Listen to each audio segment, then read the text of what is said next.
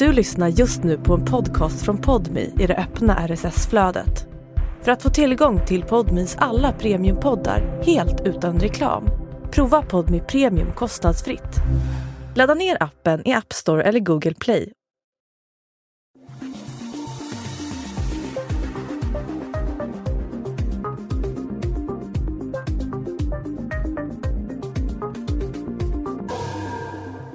–1999 får polisen ett udda fall i sina händer. En kvinna har bragts om livet och till en början vet man inte varför. Genom vittnen får man dock höra talas om en arbetskamrat till henne. En man som vid flera tillfällen försökt bjuda ut henne och blivit nekad. När mannen kallas in på förhör är det inte som misstänkt. Polisen känner dock på sig att någonting inte stämmer. Att han döljer något. Två dagar senare kommer ett erkännande. Och det är värre än man kunnat ana. Offret är en av två kvinnor som han förföljt en längre tid.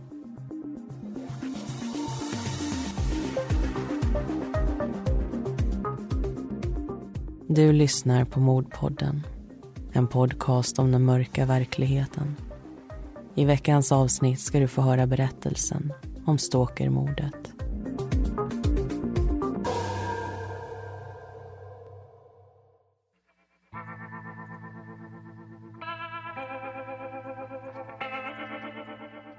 Runt fyra på morgonen den 11 november 1999 kliver Per innanför portarna till ett trapphus i Södertälje. Han är där för att dela ut tidningar. Och som vanligt måste det gå snabbt. Trappstegen betas av två och två och nytryckta tidningar dimper ner i brevinkasten. Trots det snabba tempot lägger Per märke till något på den första avsatsen. Rödbruna prickar och stänk. Han tänker att någon kanske har fått näsblod, avslutar sin runda och går vidare till nästa port. Strax innan åtta anländer Torbjörn till samma adress. Han arbetar som besiktningsman och går igenom lägenheter när någon ska flytta ut. Bilen parkeras vant där den inte står i vägen.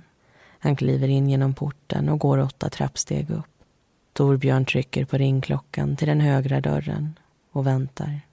Den avtalade tiden är samma som hans klocka visar. 08.00. När ringen öppnar ringer han på igen. Han väntar i ungefär fem minuter. Sen går han ut till bilen, plockar fram penna och papper och skriver några rader på en lapp. Lappen lägger han i brevinkastet. När Rebecka börjar jobba den morgonen ser hon över mejlen. Hennes arbetskamrat och bästa vän Erika har skickat ett meddelande. Hennes lägenhet ska besiktigas under förmiddagen och hon kommer dyka upp på jobbet först runt halv elva. Att Rebecka inte ser till Erika under förmiddagen är därför inget konstigt. Men när klockan börjar närma sig ett och vännen fortfarande inte har dykt upp börjar hon fundera över vad som kan ha hänt. Hon slår in numret till både Erikas hemtelefon och mobil men möts bara av ett välbekant tjut. Rebecka pratar in ett meddelande och ber Erika ringa henne snarast möjligt. Runt halv fem på eftermiddagen plockar Erikas pappa upp hemtelefonen. Han möts av Rebeckas stämma och får veta att Erika inte har varit på jobbet under dagen.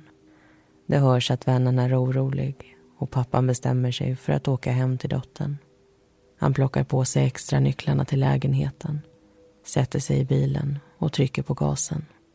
Det märks att många är på väg hem från sina jobb och stundvis går det långsamt framåt. I huvudet snurrar tankarna. Kanske är dottern på sjukhus.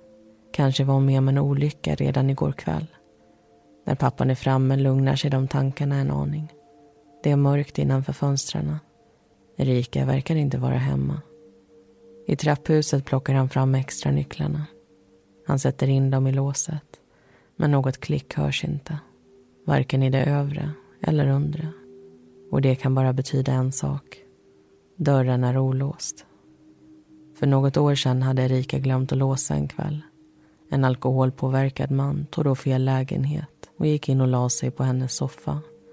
Det slutade med att polisen fick tillkallas och efter det har Erika alltid haft låst, vare sig hon är hemma eller inte. Att det är tvärtom den här dagen får pappans oro att återvända. Han trycker ner handtaget och öppnar. Det är mörkt i hallen, Men ljuset från trapphuset letar sig in och snart ser han någonting värre än det han föreställt sig. Erika ligger på hallgolvet. På ena sidan av halsen finns ett stort sår och golvet under och intill är rött. Hon är död. Det förstår pappan direkt. Han tänker att han inte ska röra något men går ändå fram och sätter fingrarna mot hennes hals. Sen ringer han 112. SOS Alarm kopplar in både polis och ambulans. De anländer samtidigt. Bara fyra minuter efter att samtalet nått dem. Pappan får växla några ord med polisen, berätta det han vet och räcka över extra nycklarna. Medan ambulanspersonalen bekräftar att inget kan göras för Erika. Tio minuter över fem upprättas en anmälan om mord. En läkare blir ombedd att komma ut och se över kroppen innan den transporteras till en rättsmedicinsk avdelning. Kriminaltekniker kallas också dit och trapphuset spärras av. Strax efter klockan sju kan brottsplatsundersökningen påbörjas. Den kommer vara fram till halv ett den natten och under de kommande dagarna kommer teknikerna fortsätta. I trapphuset hittas det blod som tidningsutdelaren Per observerat tidigt den morgonen. Det sträcker sig mellan Erikas ytterdörr och hela vägen till ringklockan hos grannen som bor mitt emot. Ett tecken på att någon försökt påkalla hjälp. Lägenheten består av två rum och kök. Innanför ytterdörren finns en hatthylla och en skänk. På golvet ligger reklamblad och en handskriven lapp. Det står Hej Erika. Jag var här för besiktningen av lägenheten 11.11.99 klockan 08.00. Ingen hemma. Utropstecken, frågetecken. Ring mig för att boka en ny tid. Med vänliga hälsningar Torbjörn. Man finner också en lönespecifikation på golvet. Det som står skrivet är inte intressant för utredningen. Men på baksidan syns ett blodigt avtryck. En handflata och två fingrar har kommit i kontakt med det där pappret.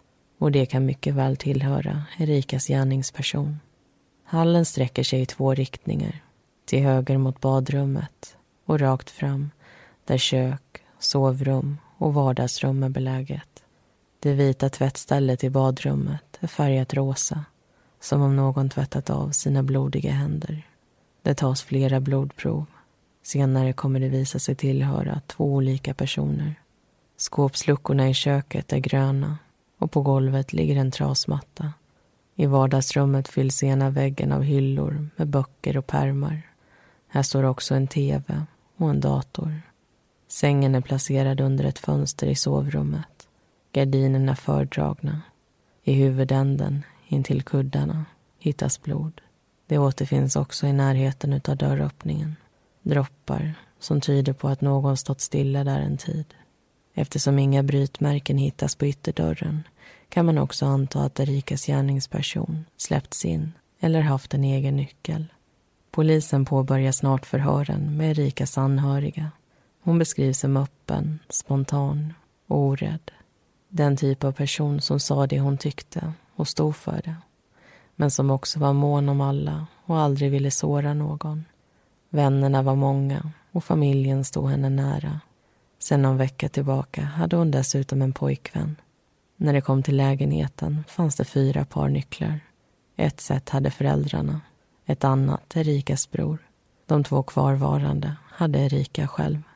Någon misstänkt existerar ännu inte i polisens värld. Men de är noggranna med sina frågor och observerar alla de kommer i kontakt med. Som Erikas pojkvän. När han får veta vad som hänt kommer han självmant till polisen. Han vill förstå och polisen ställer några frågor tillbaka under skjutsen till sjukhuset där en krisgrupp etablerats. Pojkvännens signalement skrivs ner.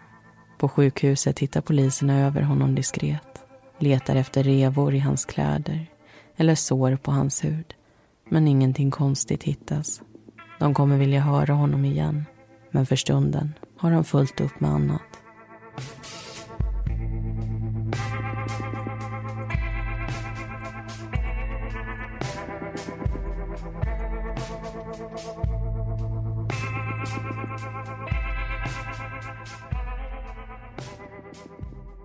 Då får vi välkomna er in i studion. Vi har alltså förflyttat oss till Södertälje där det 1999 sker ett mord. Erika mister livet och polisen har... Say hello to a new era of mental health care. Cerebral is here to help you achieve your mental wellness goals with professional therapy and medication management support. 100% online. You'll experience the all new Cerebral Way, an innovative approach to mental wellness designed around you. You'll get a personalized treatment plan from a therapist, prescriber, or both in a safe and judgment free space. Your cerebral therapist or prescriber will outline a customized plan with clear milestones along the way so you can get to feeling your best. With Cerebral, you're not alone in your mental health journey. We're here to empower you to live a fulfilling life. So take that first step towards a brighter future and sign up today at cerebral.com slash podcast and use code ACasts to get 15% off your first month. Offer only valid on monthly plans. Other exclusions may apply. Offer ends July 31st, 2024. See site for details. inte lyckats komma underfund med vad som har hänt. Utredningen har börjat, man har spanat in hennes pojkvän men har alltså ingen misstänkt än så länge. Nej, och som ni nog förstår på namnet så handlar ju det här avsnittet om ett fall där det förekommer stalking. Det här är ju ett ord som vi har lånat från engelskan och som kort och gott betyder förföljelse. Och för att bli lite mer insatta i det här ämnet som ändå inte är särskilt vanligt att prata om så tänkte jag att vi ska börja den här diskussionen med att prata om just stalking och hur det kan se ut. Människor som lever i rampljuset, politiker, kändisar och så vidare, de är mer utsatta för den här typen av brott än vad andra är. Men vem som helst kan bli utsatt och vem som helst kan ligga bakom. Det kan vara en före detta partner, det kan vara en vän, en kollega, en granne, men det kan också vara någon som man aldrig i själva verket har träffat. Och pratar vi om de som står för förföljelserna så kan anledningarna bakom det här beteendet vara många. Personen kan ha blivit nekad eller känt sig felbehandlad av personen den förföljer. Det kan handla om att försöka lappa ihop en relation som varit, söka hämnd eller försöka ta tillbaka kontroll som den känner att den har förlorat. Andra stalkers drivs av sin ensamhet. De kan se sig själva vara i en relation med personen de förföljer, även om en sån relation inte överhuvudtaget existerar. Men det gör att de känner en stark koppling till den de förföljer. Och det kan både handla om närhet och eller lust. Och sen finns ju de som gör det för att kunna utöva kraft och kontroll över den de förföljer. Och det handlar ofta om lust och det kan också vara ett förarbete inför brott av eh, sexuell natur. Och där är det nästan uteslutande män som förföljer kvinnor. Och en stalkers tillvägagångssätt är ju såklart personligt men ofta handlar det om att man vill veta vad den andra personen gör. Kanske följer man efter dem och noterar när de går till jobbet, när de kommer hem, när de har vänner över och så vidare. Men det är också vanligt att man vill lära känna personen, förstå vem de är. Antingen för att använda den här informationen för att komma närmare dem eller för att använda den emot dem. Och det här fallet utspelar sig 1999 så internet är inte en så stor del av tillvägagångssättet. Men idag så är det desto vanligare och det kallas till och med för cyberstalking. Och det är ju obehagligt för det är ju normalt att dela med sig mycket av sin vardag via sociala medier. Vi berättar vad vi gör, var vi är och delar med oss av tankar till allmänheten som gör att man kan få en känsla av att man faktiskt känner en person bara genom att titta på den sociala medier.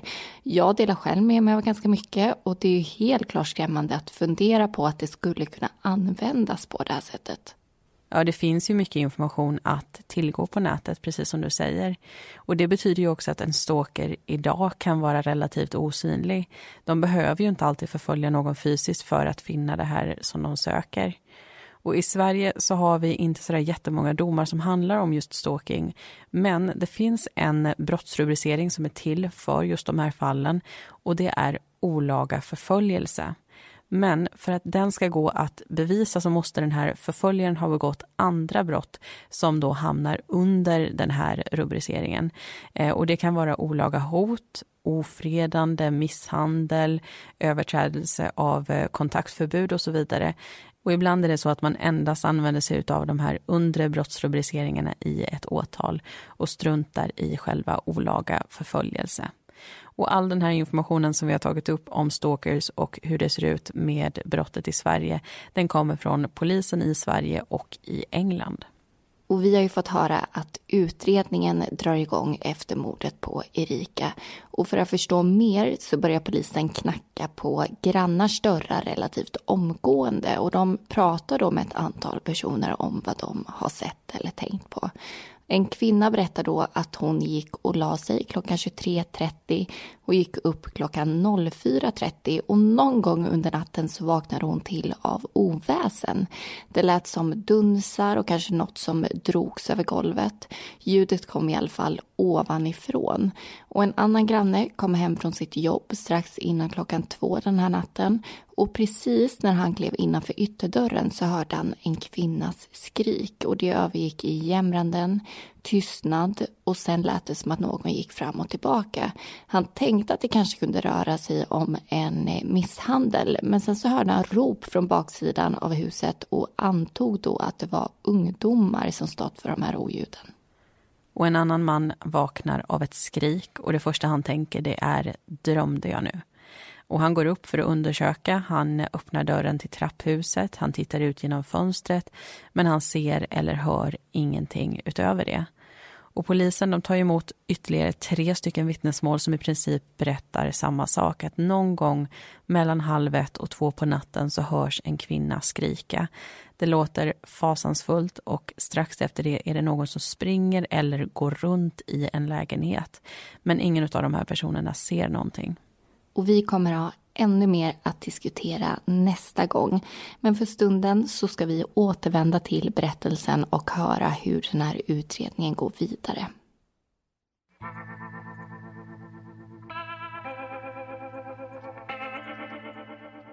Efter förhören med grannarna vet polisen att Erika troligtvis bragts som livet mellan halv ett och två den natten.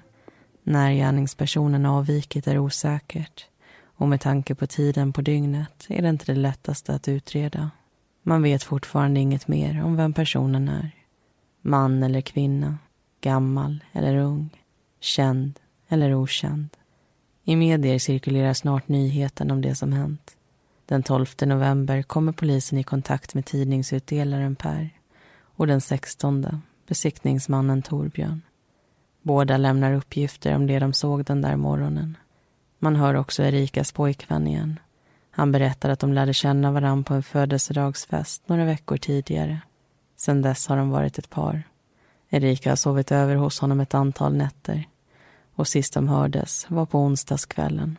Klockan var runt tio och allt lät som vanligt över telefon. Morgonen därpå vaknade pojkvännen runt klockan sju och en timme senare var han på jobbet. Jobbdagen avslutades halv fem och han åkte då hem till sina föräldrar. Han minns ett inslag på tvn. Det berättades att en kvinna i Södertälje hittat stöd. Gärningspersonen kunde vara någon som kommit för att titta på hennes lägenhet och det fick pojkvännen att reagera. Men han avskrev det också som ”det händer inte mig”. Efter besöket hos föräldrarna åkte han iväg för att hämta en check och mellan åtta och halv tio den kvällen var han på ekonomisk rådgivning. Så fort mötet var över ringde telefonen. Nyheten om Erikas död nådde honom. Polisen frågar om deras relation, om han och Erika bråkade. Aldrig, svarar pojkvännen. De hade inte varit tillsammans tillräckligt länge. I utredningen finns också en annan person, Fredrik, en före detta arbetskamrat till Erika. De hade jobbat som väktare åt samma bevakningsföretag under några år. Fredrik ställde upp de dagar arbetsledarna behövde få in extra personal och vid sidan om jobbet studerade han på KTH, Kungliga Tekniska Högskolan. Men han hade samtidigt svårt att komma in i arbetslaget. De andra kollegorna kunde prata och skämta vid fikabordet, men inte Fredrik.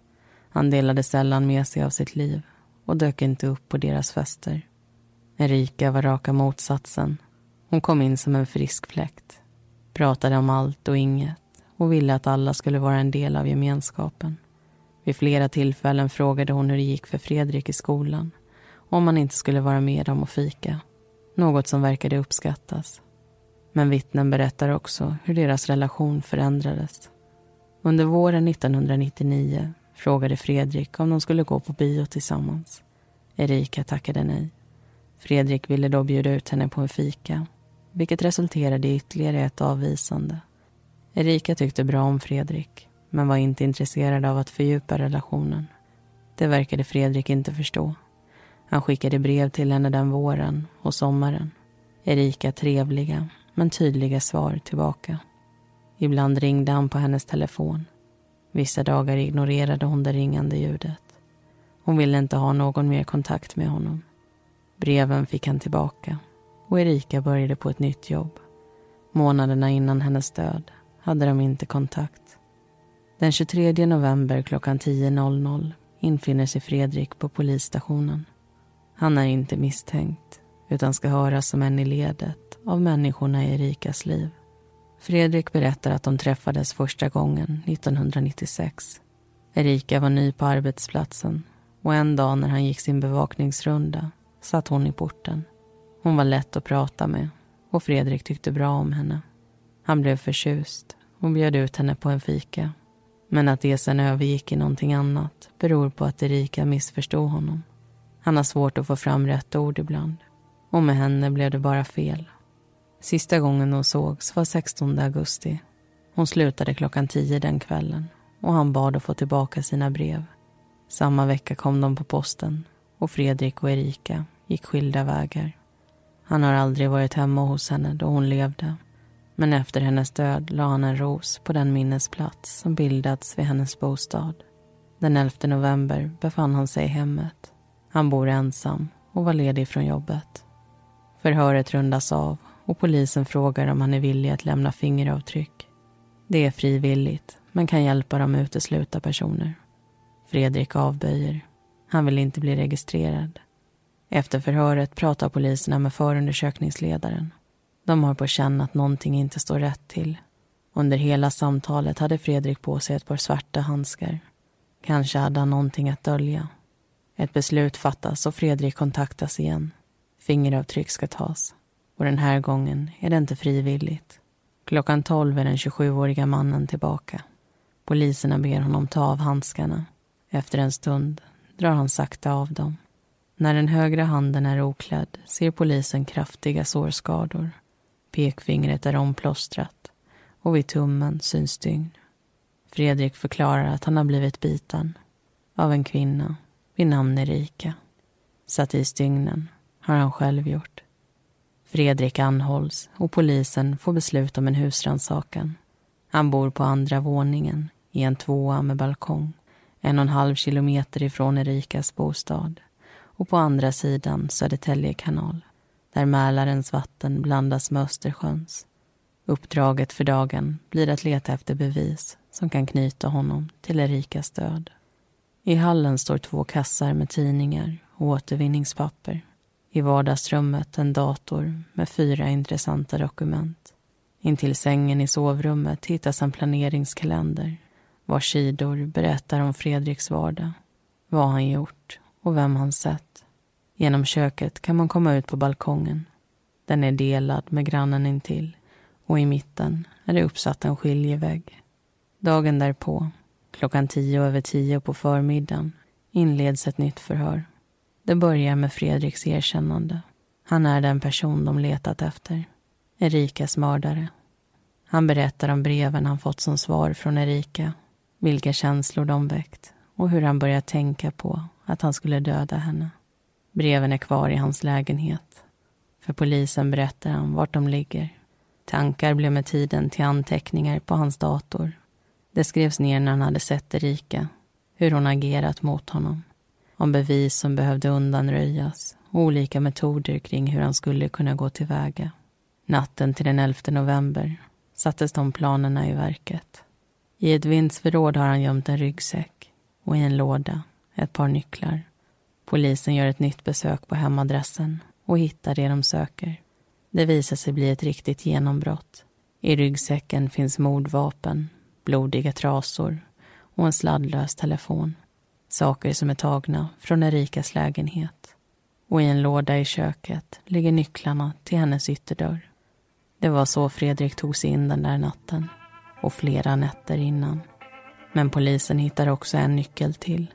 Och om Fredrik haft span på Erika innan hennes död finns det en chans att den andra nyckeln går till en annan kvinnas ytterdörr.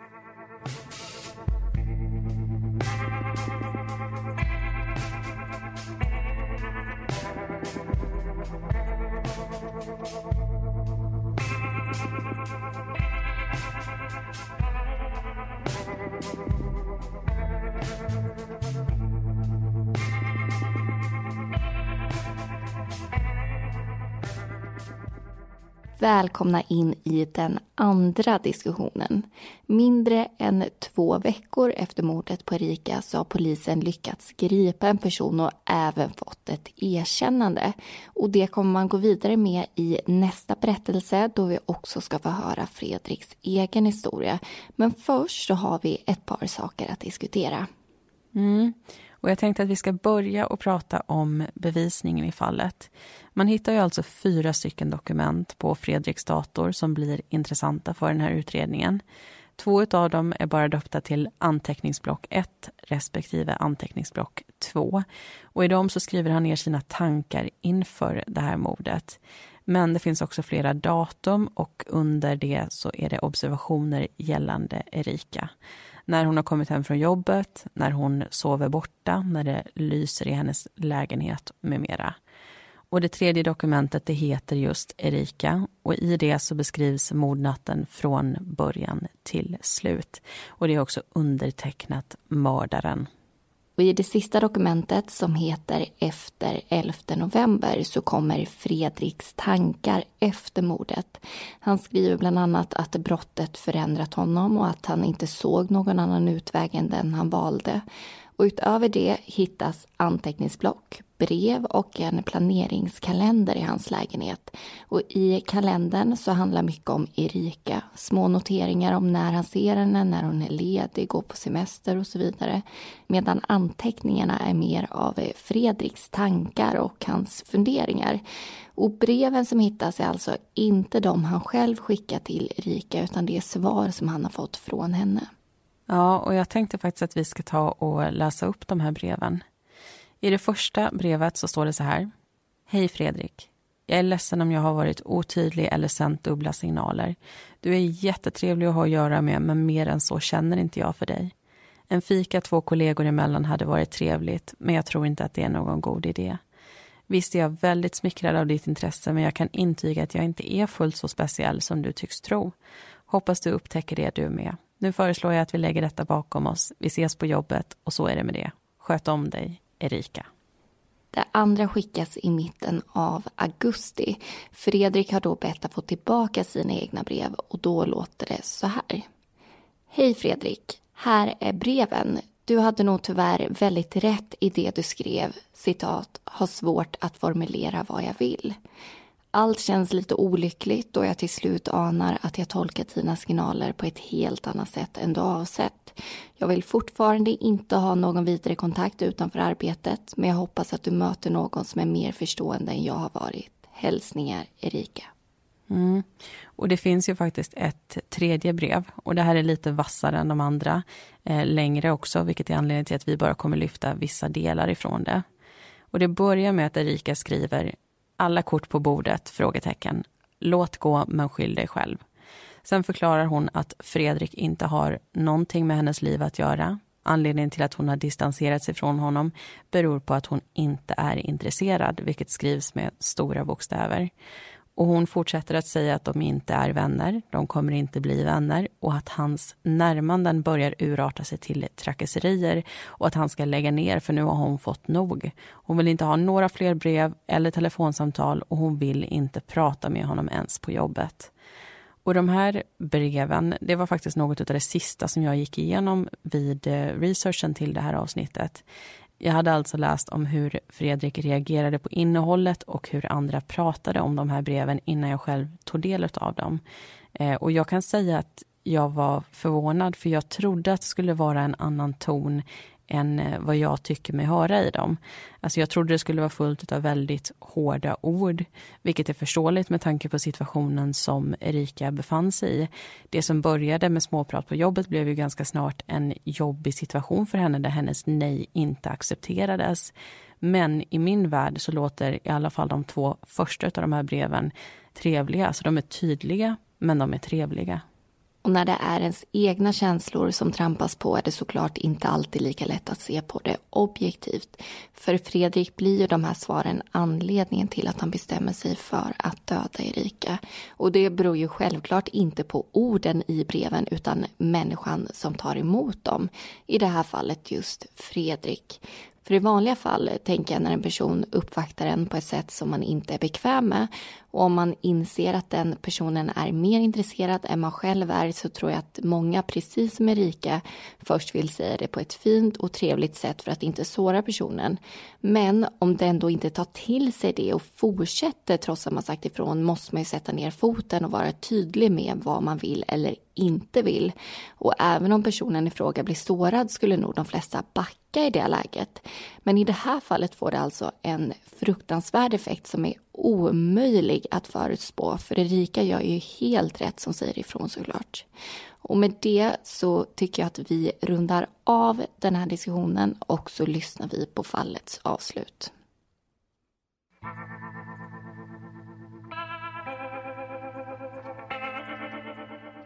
Redan 1998 börjar Fredriks planeringskalender att fyllas med observationer gällande Erika.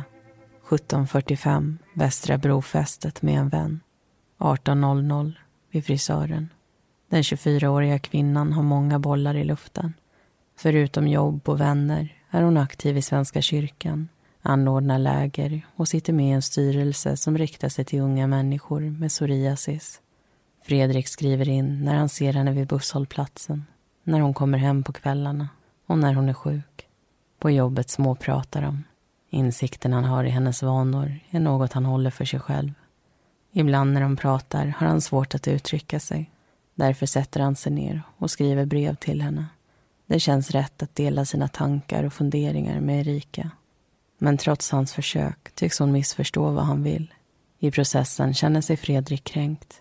Istället för att agera förstående tycks Erika vilja ha ett allt större avstånd dem emellan. Hon ignorerar hans telefonsamtal och varje blick hon ger honom vill Fredrik tyda. Svaren på hans brev är inte vad han hoppats på. När han läser rad efter rad börjar mörka känslor gro inombords. Vår blir till sommar och Erika vill inte längre ha med honom att göra. Han ber att få tillbaka de brev han skrivit och samma vecka dimper de ner i hans dörrinkast. Men Erika är inte den enda kvinnan i Fredriks tankar och i planeringskalendern förekommer också ett annat namn. Josefin, Fredriks närmaste granne. Samtidigt som allt pågår med Erika skriver han ner när Josefin tvättar eller besöker ett solarium. Vid ett tillfälle springer de på varann vid en busshållplats då hon är på väg någonstans. På vägen hem korsas deras vägar igen. Josefin ser honom och hälsar, men får inget svar tillbaka. Det kan tyckas som en slump, men det är det inte. Fredrik är där eftersom han följt efter henne. Det är så han har koll på både Josefin och Erika. Genom att passera deras bostäder, titta in i fönstren, följa dem på väg till och från olika platser och därigenom kartlägga deras liv. En aprilkväll 1999 ser Fredrik att Josefins balkongdörr står öppen.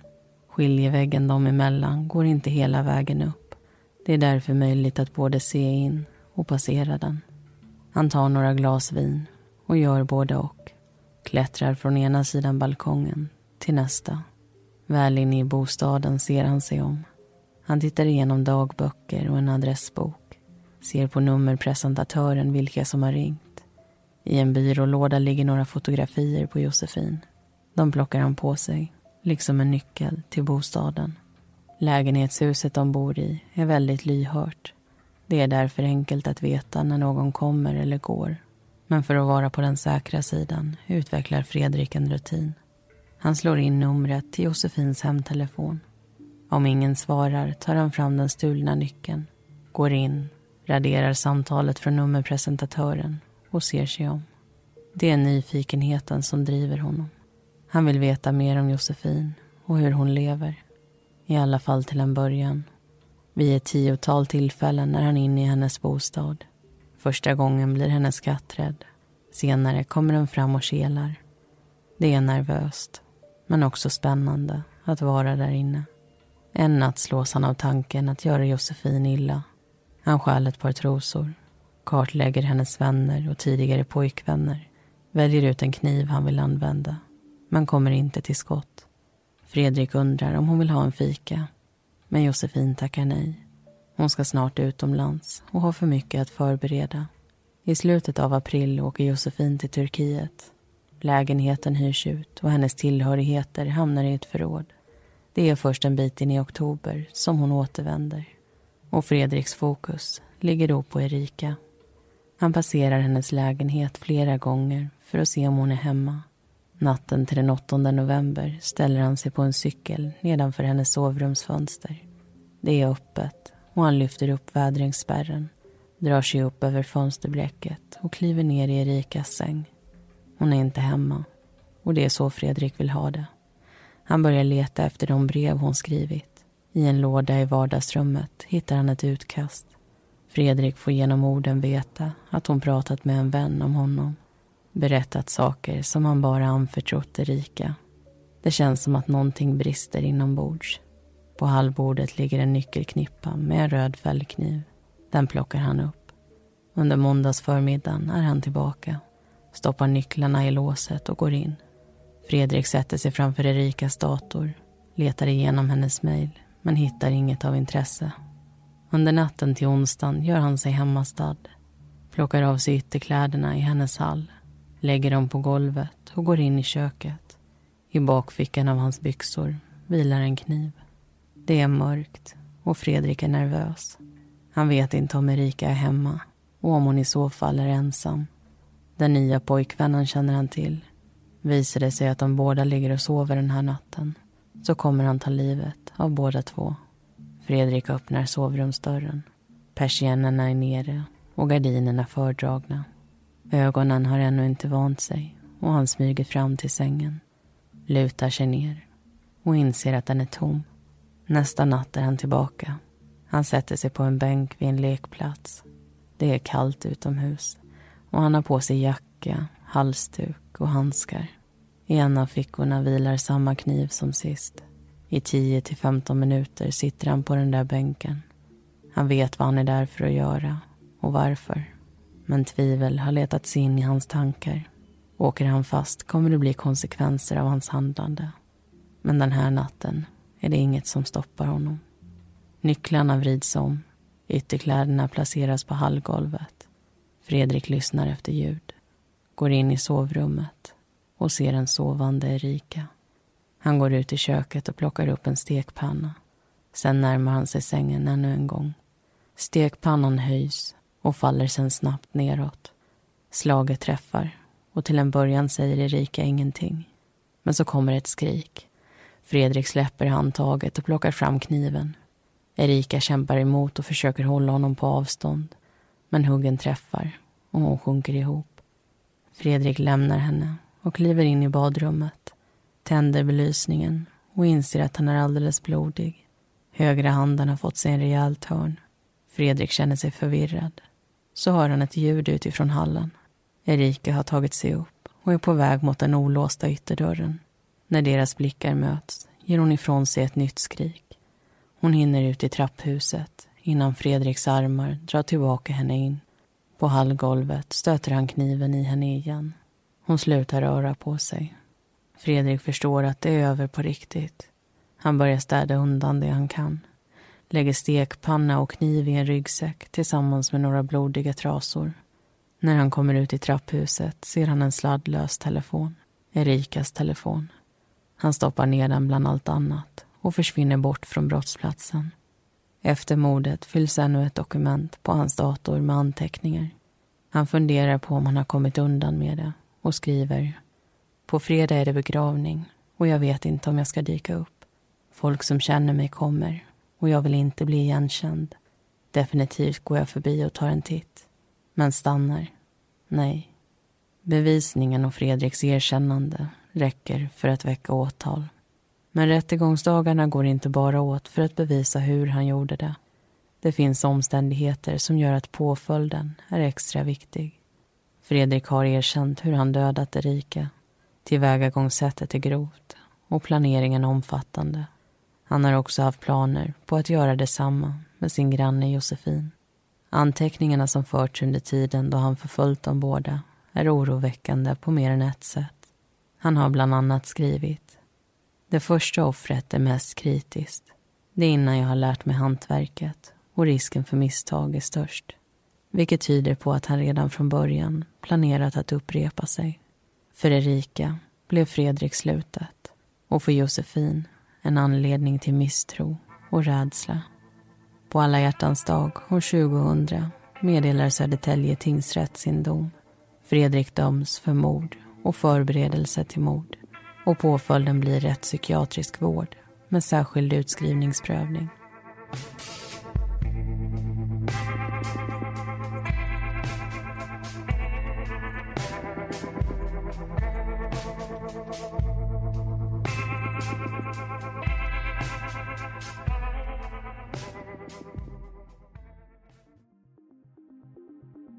Tack för att du har lyssnat på det här premiumavsnittet. Alla heter egentligen någonting annat och informationen är hämtad ifrån domarna och förundersökningsprotokollet. Om några veckor så är vi tillbaka igen med en ny säsong. Missa inte det.